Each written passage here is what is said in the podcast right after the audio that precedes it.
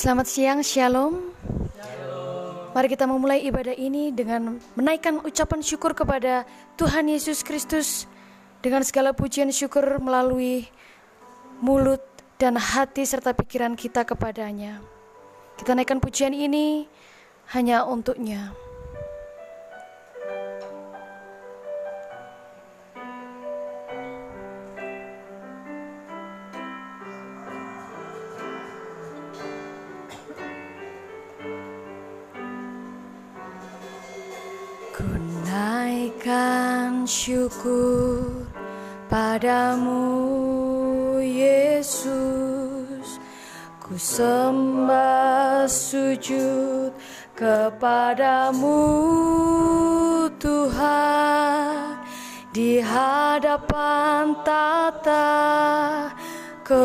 Kemuliaanmu Ku tinggikan, ku agungkan selamanya. Segala puji, segala puji Syukur bagimu. Ku tinggikan namamu selalu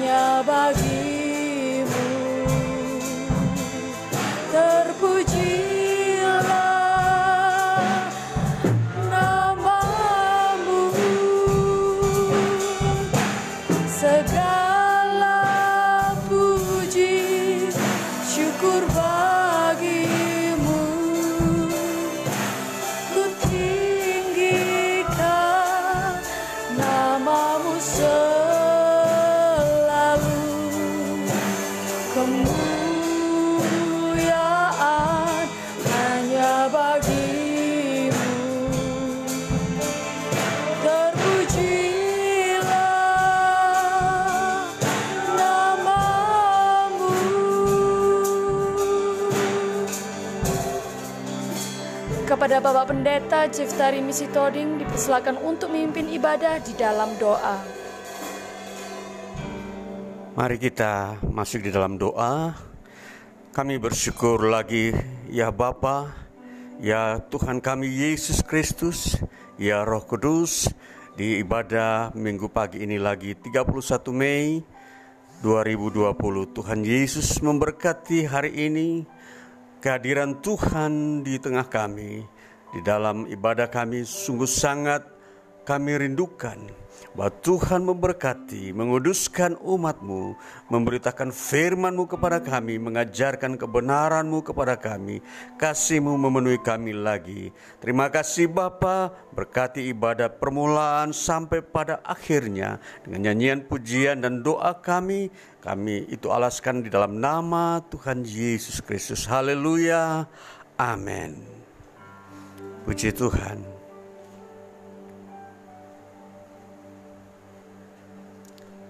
Mari kita bangkit berdiri sebab Tuhan telah menetapkan langkah-langkah setiap kita yang hidupnya berkenan kepadanya.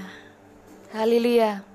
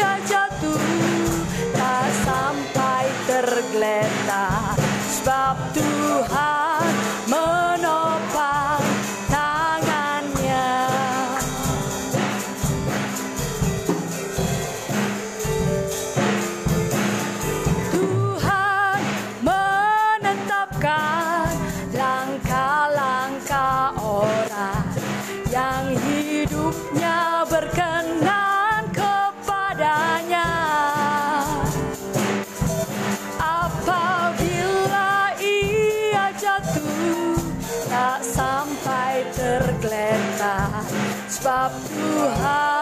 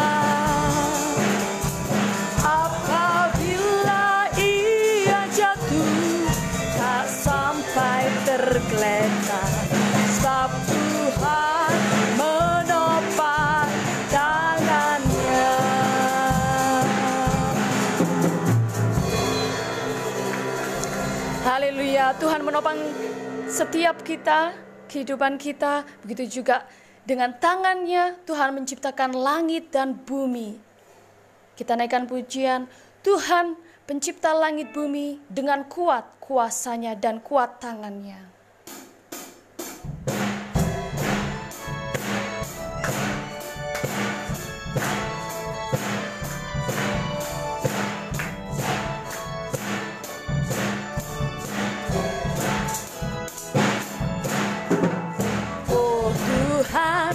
Pencipta langit bumi dengan kuat kuasanya.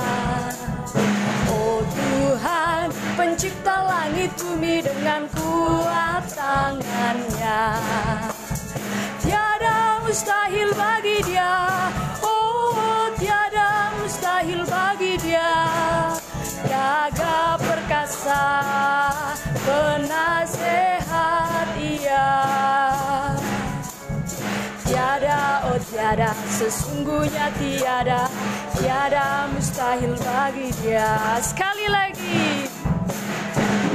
Oh Tuhan, pencipta langit bumi dengan kuat kuasanya. Oh Tuhan, pencipta langit bumi dengan kuat tangannya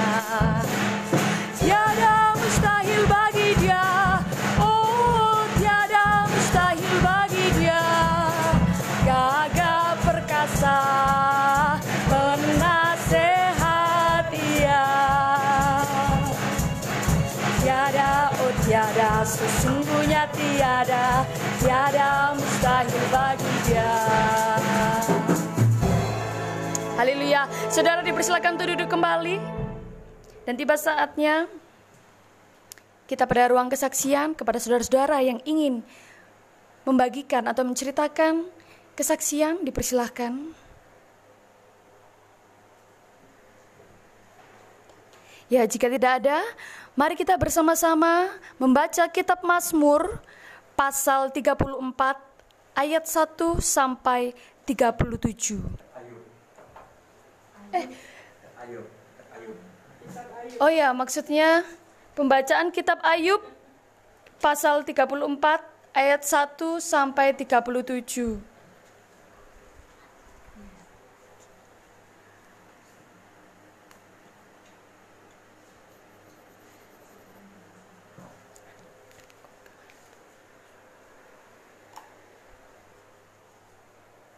Ayub 34 ayat 1 sampai 37 mari kita baca bersama-sama. 1 2 3 Tidak berlaku curang Maka berbicaralah Elihu.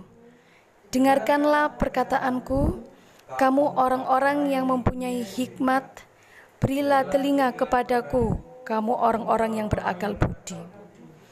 Karena telinga itu menguji kata-kata seperti langit-langit mencecap makanan Biarlah kita memutuskan bagi kita sendiri apa yang adil, menentukan bersama-sama apa yang baik.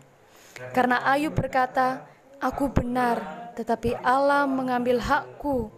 Kendati aku mempunyai hak, aku dianggap berdusta." Sekalipun aku tidak melakukan pelanggaran, lukaku tidak dapat sembuh lagi. Siapakah seperti Ayub yang minum hujatan terhadap Allah seperti air, yang mencari persekutuan dengan orang-orang yang melakukan kejahatan dan bergaul dengan orang-orang fasik? Karena ia telah berkata, tidak berguna bagi manusia kalau ia dikenan Allah. Oleh sebab itu, kamu orang-orang yang berakal budi, dengarkanlah aku. Jauhlah daripada Allah untuk melakukan kefasikan dan daripada yang maha kuasa untuk berbuat curang. Malah ia mengganjar manusia sesuai perbuatannya dan membuat setiap orang mengalami sesuai kelakuannya. Sungguh Allah tidak berlaku curang, yang maha kuasa tidak membengkokkan keadilan. Siapa mempercayakan bumi kepadanya? Siapa membebankan alam semesta kepadanya? Jikalau ia menarik kembali rohnya dan mengembalikan nafasnya padanya, maka binasalah bersama-sama segala yang hidup dan kembalilah manusia kepada debu. Jikalau engkau berakal budi, dengarkanlah ini, pasanglah telinga kepada apa yang kuucapkan. Dapatkah pembenci keadilan memegang kekuasaan dan apakah engkau mau mempersalahkan dia yang adil dan perkasa? Dia yang berfirman kepada raja, "Hai orang Dursila," kepada para bangsawan, "Hai orang fasik." Dia yang tidak memihak kepada para pembesar dan tidak mengutamakan orang yang terkemukakan daripada orang kecil, karena mereka sekalian adalah buatan tangannya. Dalam sekejap mata mereka mati. Ya, pada tengah malam orang dikejutkan dan binasa mereka yang perkasa dilenyapkan bukan oleh tangan orang. Karena matanya mengawasi jalan manusia dan ia melihat segala langkahnya. Tidak ada kegelapan ataupun ke kelam kabut di mana orang-orang yang melakukan kejahatan dapat bersembunyi. Karena bagi manusia ia tidak menentukan waktu untuk datang menghadap Allah supaya diadili Orang-orang yang perkasa diremukkannya dengan tidak diperiksa dan orang-orang lain diangkatnya ganti mereka. Jadi, ia mengetahui perbuatan mereka dan menggulingkan mereka di waktu malam sehingga mereka hancur lebur. Mereka ditamparnya karena kefasikan mereka dengan dilihat orang banyak, karena mereka meninggalkannya dan tidak mengindahkan satupun daripada jalannya. Sehingga mereka menyebabkan cerita orang miskin naik ke hadapannya dan ia mendengar cerita orang sengsara. Kalau dia berdiam diri, siapakah akan menjatuhkan hukuman? Kalau dia menyembunyikan wajahnya, siapa akan melihat dia? baik itu sesuatu bangsa atau orang seseorang, supaya jangan menjadi raja orang fasik yang adalah jerat bagi orang banyak. Tetapi kalau seseorang berkata kepada Allah, "Aku telah menyombongkan diri, tetapi aku tidak akan lagi berbuat jahat. Apa yang tidak dimengerti, ajarkanlah kepadaku. Jikalau aku telah berbuat curang, maka aku tidak akan berbuat lagi. Menurut hematmu, apakah Allah harus melakukan pembalasan karena engkau yang menolak? Jadi, engkau jugalah yang harus memutuskan, bukan aku. Katakanlah apa yang engkau tahu. Maka orang-orang yang berakal budi dan orang yang mempunyai hikmat yang mendengarkan aku akan berkata kepadaku. Ayub berbicara tanpa pengetahuan dan perkataannya tidak mengandung pengertian. Ah, kiranya Ayub diuji terus-menerus karena ia menjawab seperti orang-orang jahat.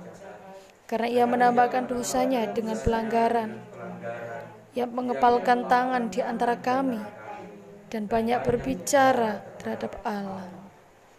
Demikian pembacaan kitab Ayub pasal 34 ayat 1 sampai 37. Selanjutnya mari kita sambut firman Tuhan dengan menaikkan lagu Yesus Alfa Omega yang awal dan yang akhir Tuhan juru selamatku.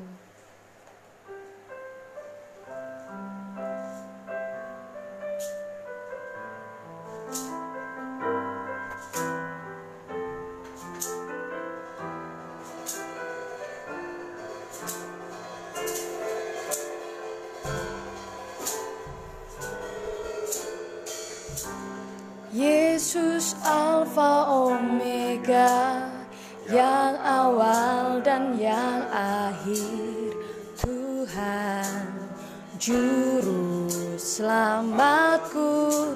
Hanya kau harapanku. Atur segalanya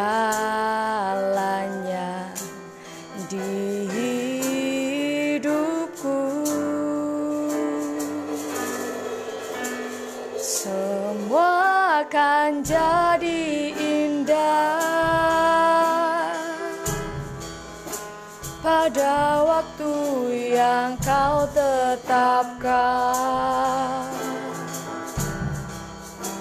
Tuhan bukanlah manusia sehingga berdusta. Ku genapi firman-Nya. Semua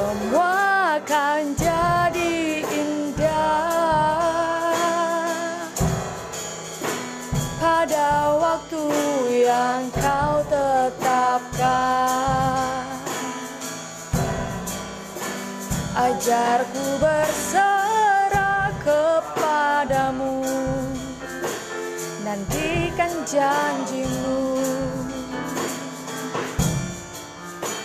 terjadi dalam hidupku.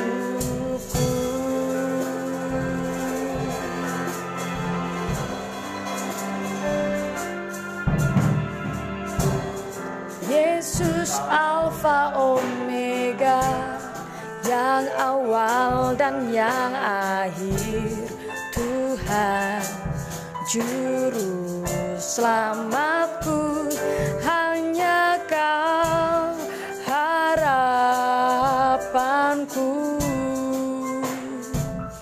Atur segalanya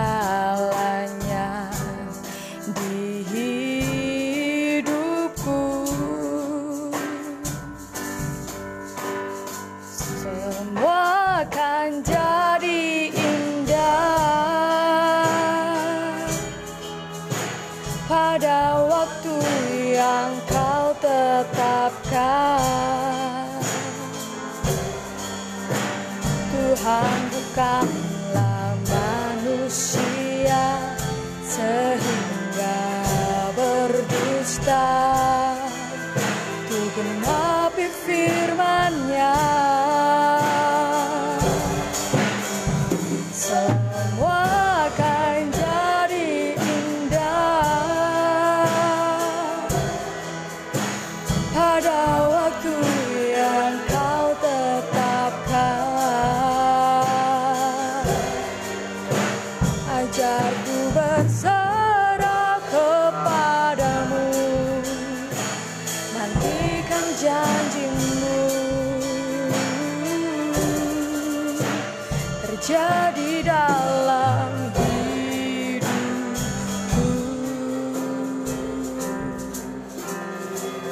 Kepada Bapak Pendeta Jeff Tari Misitoring dipersilakan untuk memimpin doa dan menyampaikan firman Tuhan. Haleluya, mari kita masuk di dalam doa pemberitaan firman Tuhan.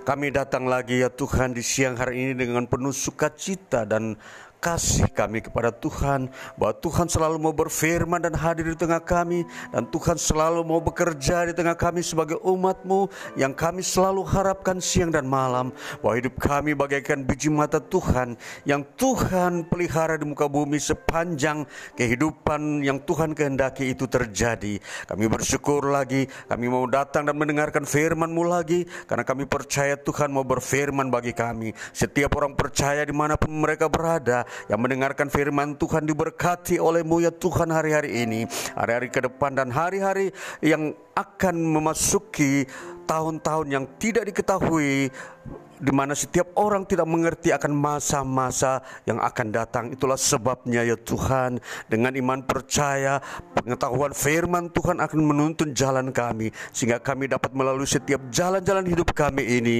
dengan penuh percaya yakin diberkati olehmu ya Tuhan Yesus. Bapa yang berfirman, Roh Kudus yang bekerja mengajarkan kami, berkati itu. Terpujilah Bapa Tuhan dan Roh Kudus Allah kami di dalam Yesus Kristus. Kami berdoa dan mengucap syukur bersyukur. Haleluya. Amin. Ya, puji Tuhan, kita akan masuk di dalam mendengarkan firman Tuhan. Kita akan membacanya dari kitab Yakobus pasalnya yang kedua. Kitab Yakobus pasal yang kedua, ayatnya yang ke-14 hingga ayatnya yang ke-26. Bunyinya demikian. Iman tanpa perbuatan pada hakikatnya adalah mati. Apakah gunanya saudara-saudara jika seorang mengatakan bahwa ia mempunyai iman padahal ia tidak mempunyai perbuatan, dapatkah iman itu menyelamatkan dia? Jika seorang saudara atau saudari tidak mempunyai pakaian dan kekurangan makanan sehari-hari, dan seorang dari antara kamu berkata, "Selamat jalan, kenakanlah kain panas dan makanlah sampai kenyang," tetapi ia tidak memberikan kepadanya apa yang perlu bagi tubuhnya, apa, apakah gunanya itu? Demikian juga halnya dengan iman. Jika iman itu tidak disertai perbuatan, maka iman itu pada hakikatnya adalah mati.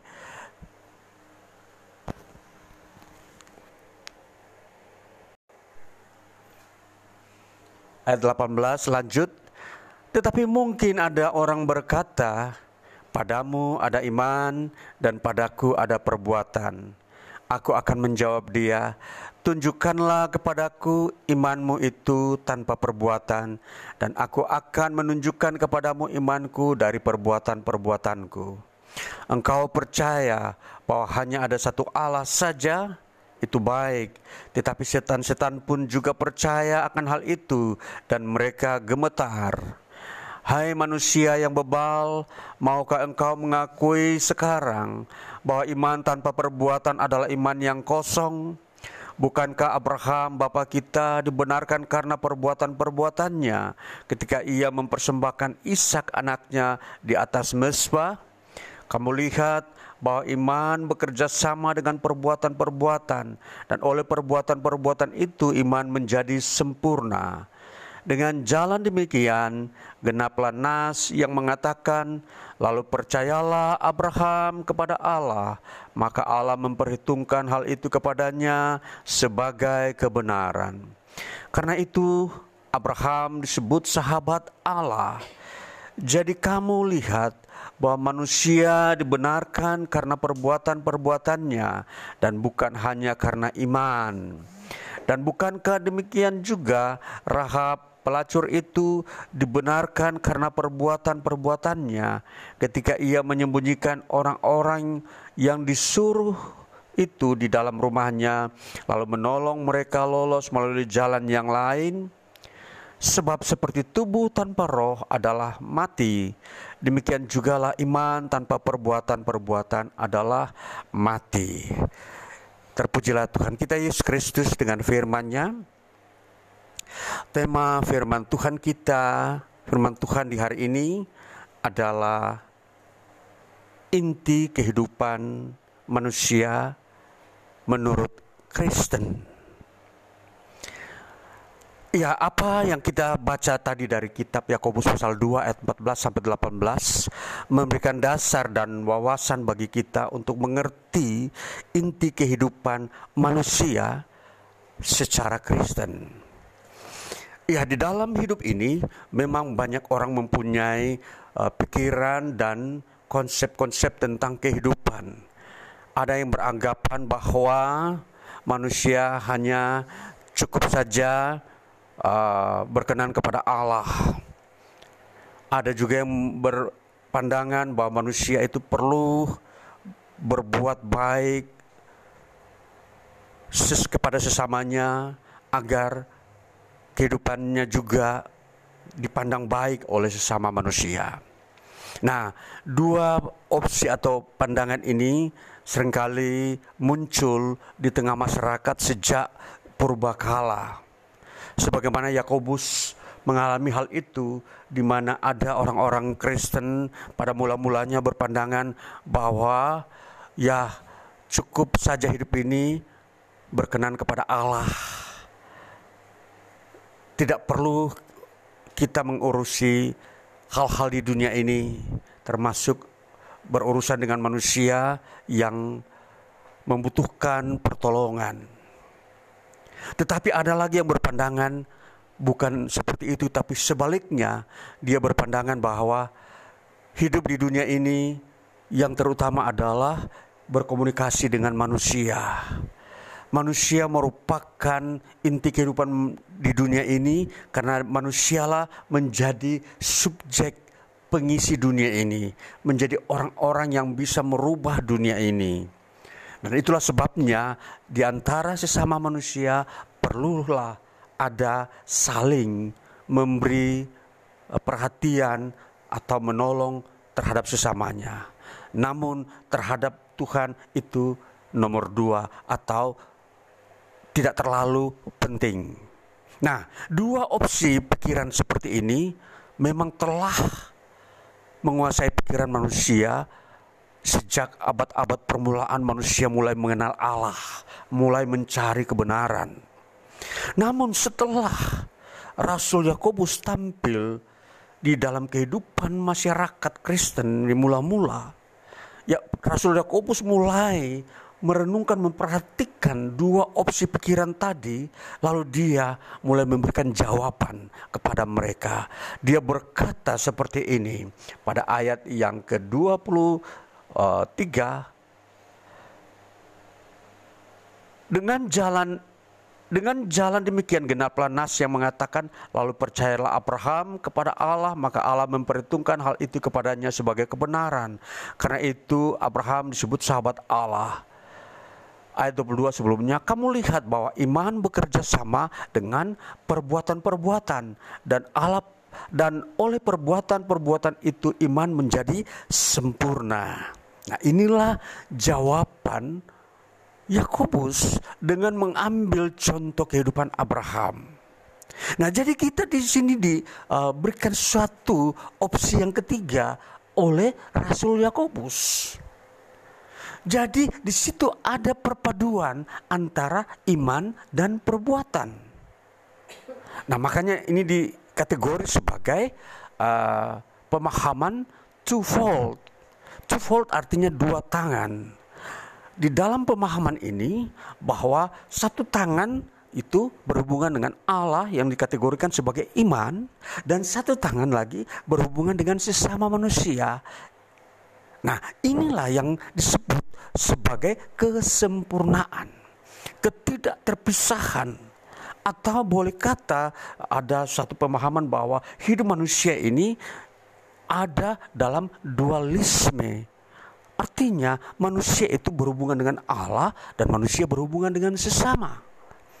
Nah, jadi di sini bahwa Rasul Yakobus menekankan bahwa iman kepada Yesus Kristus memang adalah iman yang menyelamatkan, iman yang berkenan kepada Allah. Sebagaimana dikatakan Abraham pernah mau mempersembahkan anaknya Ishak agar dia berkenan kepada Allah. Namun dikatakan bahwa Allah tidak menghendaki atau tidak menerima persembahan Ishak anaknya lalu diganti dengan anak domba. Nah, di sini perbuatan Abraham disebut benar dan akhirnya Abraham disebut sahabat Allah.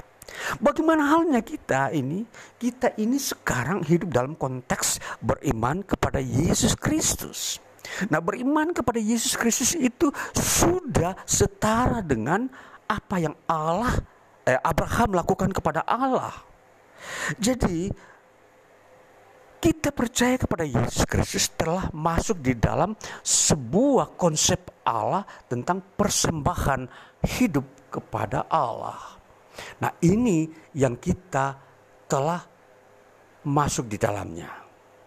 Nah, banyak orang memahami betapa indah memang percaya kepada Yesus Kristus. Di situ ada damai sejahtera, ada kasih, ada kedamaian, ada pengampunan dosa, ada kemurahan Tuhan, dan masih banyak kekayaan-kekayaan Tuhan lainnya di dalamnya. Nah, orang kadangkala dengan pengalaman hidupnya sebelum percaya kepada Yesus Kristus terpesona dengan pengalaman hidup percaya kepada Yesus Kristus. Namun, sering kali mereka hanya berhenti pada titik menikmati anugerah Tuhan, menikmati pembaruan hidup, menikmati karunia-karunia Tuhan yang Tuhan bukakan melalui Roh Kudus dengan mujizat, dengan perbuatan-perbuatan ajaib, hikmat, kuasa untuk mengusir setan. Masih ada karunia-karunia yang Tuhan berikan lewat Roh Kudus.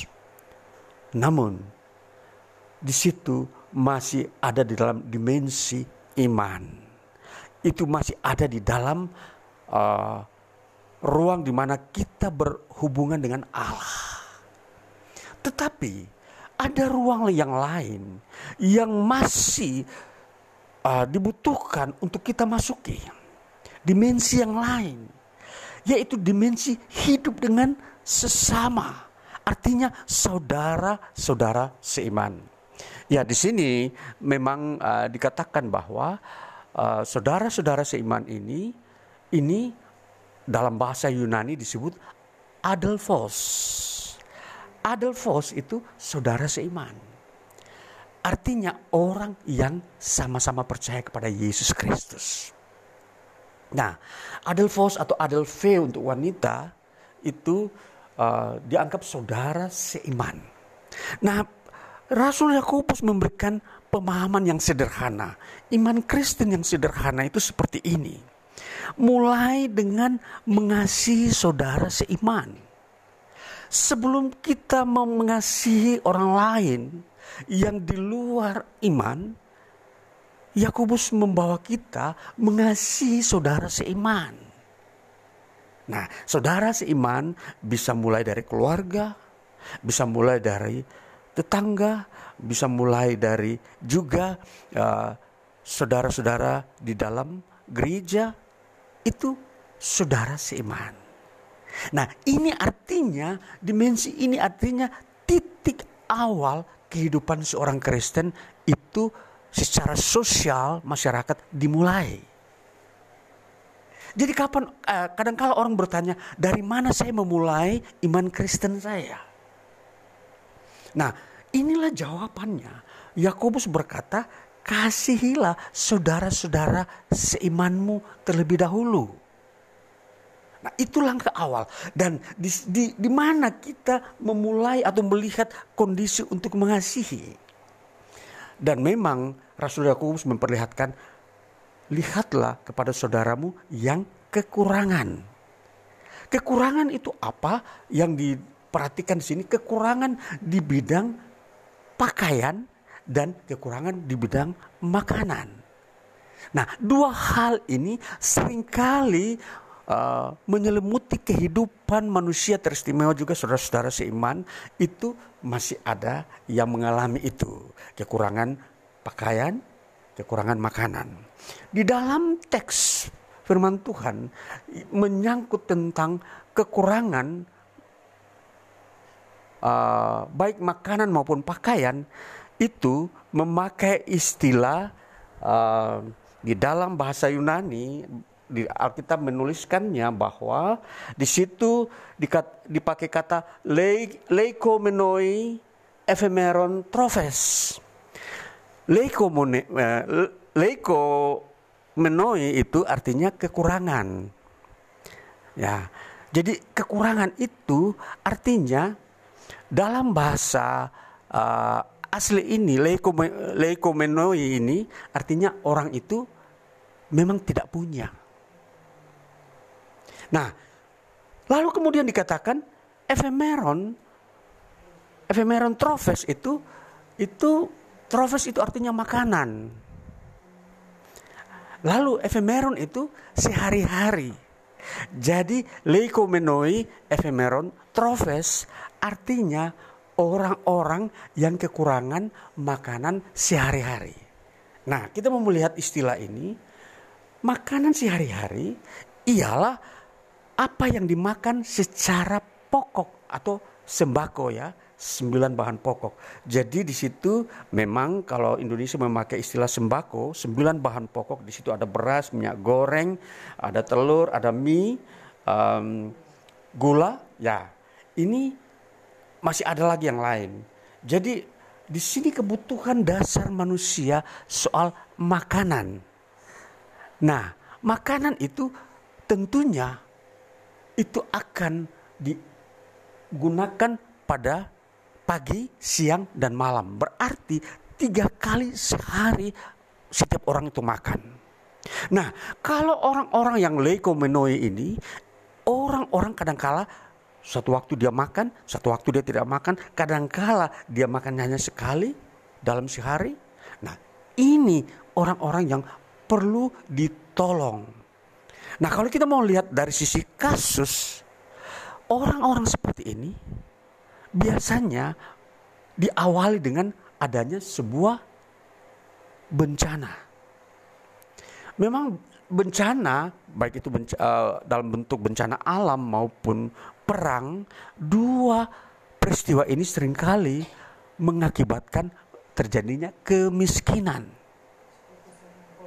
Nah, sekarang juga seperti kalau bencana seperti penyakit uh, wabah corona ini membawa bencana sehingga menimbulkan juga banyak orang miskin. Artinya mereka ada yang faktanya di PHK, ada yang juga uh,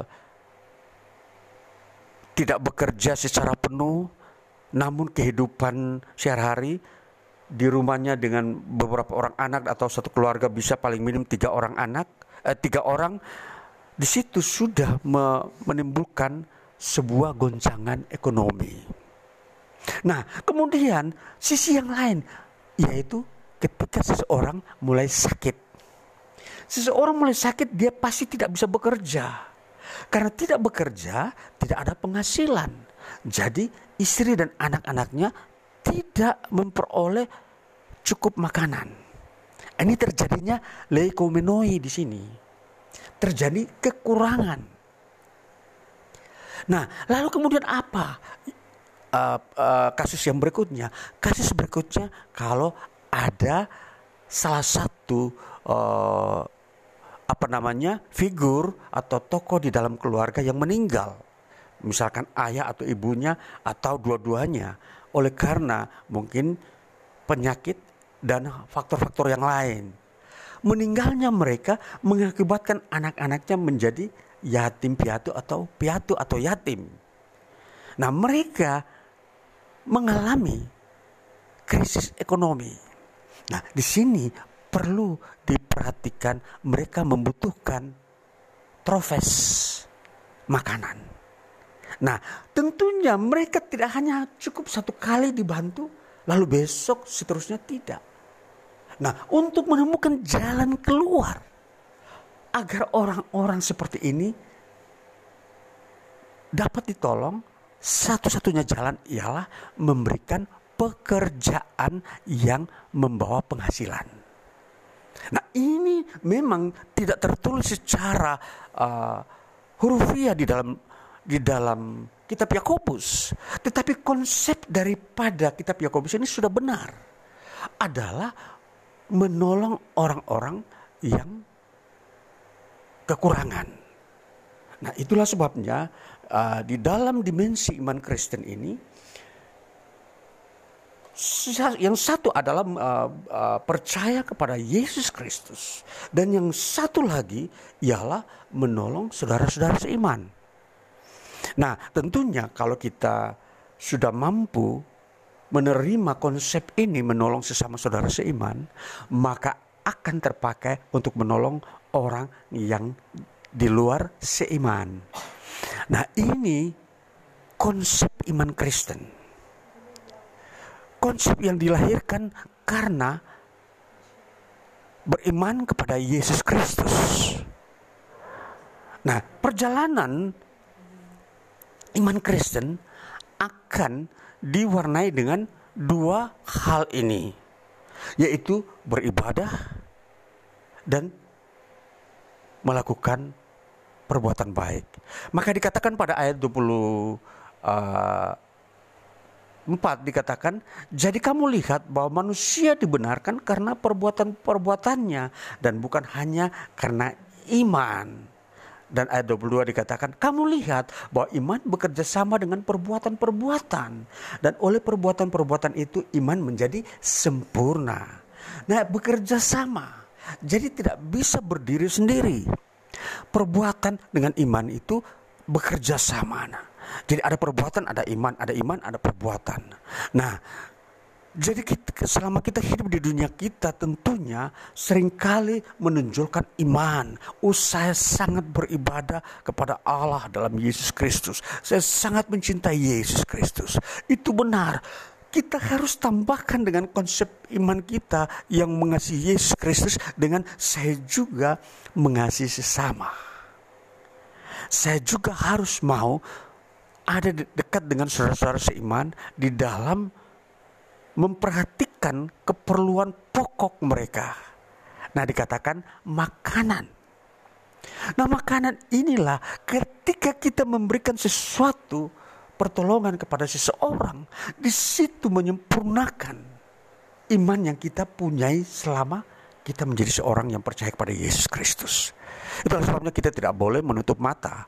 Kalau ada terjadi sesuatu peristiwa genting krisis di dunia ini, kita harus membuka mata kita, pikiran kita, melihat adakah di tengah-tengah kita, saudara-saudara seiman kita yang mengalami kekurangan makanan ketika sedang terjadi krisis. Nah, seperti corona, di sini kita sudah melihat memang begitu banyak orang mengalami krisis, tetapi kemampuan kita seberapa kita bisa lakukan. Walaupun kita bisa menolong satu orang, itu sudah merupakan uh, uh, praktek iman kita. Kemampuan kita menolong satu orang itu sudah merupakan uh, uh, sebuah uh, pelaksanaan daripada iman yang kita punyai. Nah, ini membawa kita masuk kepada kehidupan iman kita. Jadi iman kita harus benar-benar kita fahami di dalam Kristus Yesus bahwa kita beribadah tapi kita juga siap-siap selalu mau menolong saudara-saudara seiman kita maupun yang mungkin tidak seiman yang dekat dengan kita yang mereka saat-saat ini sedang membutuhkan makanan. Jadi saudara-saudara sekalian dalam Tuhan Yesus Kristus bahwa apa yang kita temui di dalam kitab Yakobus ini adalah konsep Kristen. Tidak ada konsep yang seperti ini. Artinya Tuhan dan mengasihi sesama itu bekerja sama tidak ada yang saling mendahului. Menolong sesama tidak bisa mendahului mengasihi Tuhan. Dan mengasihi Tuhan tidak bisa mendahului menolong sesama. Keduanya bersamaan berdiri sama tinggi. Nah, jadi di sinilah iman Kristen mem memperlihatkan inti kehidupannya sebagai manusia di dunia ini. Sehingga mengasihi manusia selalu ada di dalam hati seorang Kristen. Dia selalu hidup berdasarkan kasih. Karena di dalam dirinya ada Tuhan. Nah, nanti kita akan melihat konsep-konsep berikutnya tentang bagaimana Allah mau menjadi manusia melalui Yesus Kristus itu akan menjelaskan kepada kita bagaimana ketika kita menerima Kristus kita pun harus menerima sesama manusia sebagai uh, sesama manusia di dalam hidup ini. Tidak boleh kita menolak seorang pun di, di hadapan kita karena dia sesama atau dia bukan satu golongan dengan kita. Nah, itu konsep itu nanti lebih, dalam. Bagaimana kita menerima uh, figur manusia di depan kita bahwa dia sesama kita. Nah, inilah sebuah karya Allah yang disediakan bagi hidup manusia di dunia ini di dalam era keselamatan. Nah, Tuhan Yesus memberkati kita memasuki hidup hidup besok dan seterusnya. Masih ada perjalanan-perjalanan kita. Semoga kita dikuatkan. Memang ada orang mempunyai keterbatasan, dia belum bisa mampu menolong secara maksimal, tetapi ada juga orang yang sudah mempunyai kemampuan menolong sesamanya, dia dapat melakukannya. Dari sinilah kita melihat kita akan menjadi orang yang berbahagia, orang yang berkenan kepada Allah, orang yang melihat kesempurnaan itu di dalam dirinya. Tuhan Yesus memberkati kita. Haleluya. Amin. Mari kita masuk di dalam doa syafaat kita. Melanjutkan pekerjaan Tuhan di hari ini. Mari kita berdoa. Kami bersyukur lagi ya Tuhan. Karena kasihmu yang besar dan hikmatmu yang ada di tengah kami untuk dapat melihat kehidupan ini secara sempurna. Kami datang percaya kepada Tuhan dan kami pun harus melihat sesama kami di sekitar hidup kami di dunia ini untuk berelasi, untuk mengasihi dan menolong sesama kami yang membutuhkan pertolongan di tengah dunia ini di mana krisis-krisis sering kali bermunculan di tengah-tengah kehidupan kami. Maka Tuhan kami berdoa supaya firman Tuhan yang kami dengar hari ini kami dapat melakukan apa yang Tuhan kehendaki di tengah hidup kami bahwa menolong sesama berdasarkan iman kasih di dalam Yesus Kristus itu adalah hal yang mulia, hal yang membenarkan menyempurnakan iman kami di dalam percaya kami. Kami tidak perlu berdiam diri, kami tidak perlu hanya hidup untuk diri sendiri, tetapi hidup berdampingan dengan sesama kami. Tuhan Yesus menguduskan kami. Kami mau berdoa untuk pekerjaanmu, pemberitaan firmanmu. Kiranya firmanmu terus menyebar sampai kepada sekian banyak orang di mana pun mereka berada. Mendengarkan firmanmu memperbaharui hidup mereka. Dan kemudian datang mengenal dikau secara lebih dalam lagi. Tuhan memberkati setiap pekerjaanmu, hamba-hambamu yang memberitakan firmanmu yang telah telah engkau percayakan berkati. Berkati juga umatmu yang mendengarkan firmanmu supaya mereka diteguhkan dikuatkan dibangunkan kembali dan memberikan semangat gerakan hidup untuk hidup di dunia ini dalam iman dan mengasihi sesama. Dan seterusnya hidup bertumbuh di dalam iman tiada henti-hentinya perjalanan hidup ini dan terus melakukan apa yang baik dan benar. Kami bersyukur Tuhan Roh Kudus menolong kami di mana kami akan memasuki hari-hari besok lagi untuk bekerja di mana Tuhan tempatkan kami bekerja baik di perusahaan pemerintah di uh, aparatur negara maupun di ASN maupun di swasta maupun berwira swasta Tuhan memberkati. Kami sangat membutuhkan pertolongan Tuhan kami bekerja dengan penuh motivasi yang murni iman yang penuh harap dan kasih dari Tuhan untuk memberkati hidup dan kerja kami di dunia ini. Berkati setiap keluarga anak-anak sekolah Tuhan memberkati sehingga perjalanan hidup ini tiada putus dan tiada henti dan terus bertumbuh penuh harap dan penuh sukacita dalam hidup ini. Tuhan memberkati lingkungan kami di mana kami berada dan tinggal dan bekerja. Tuhan campur tangan sehingga damai dan sukacita selalu nyata dan nampak dalam kehidupan ini.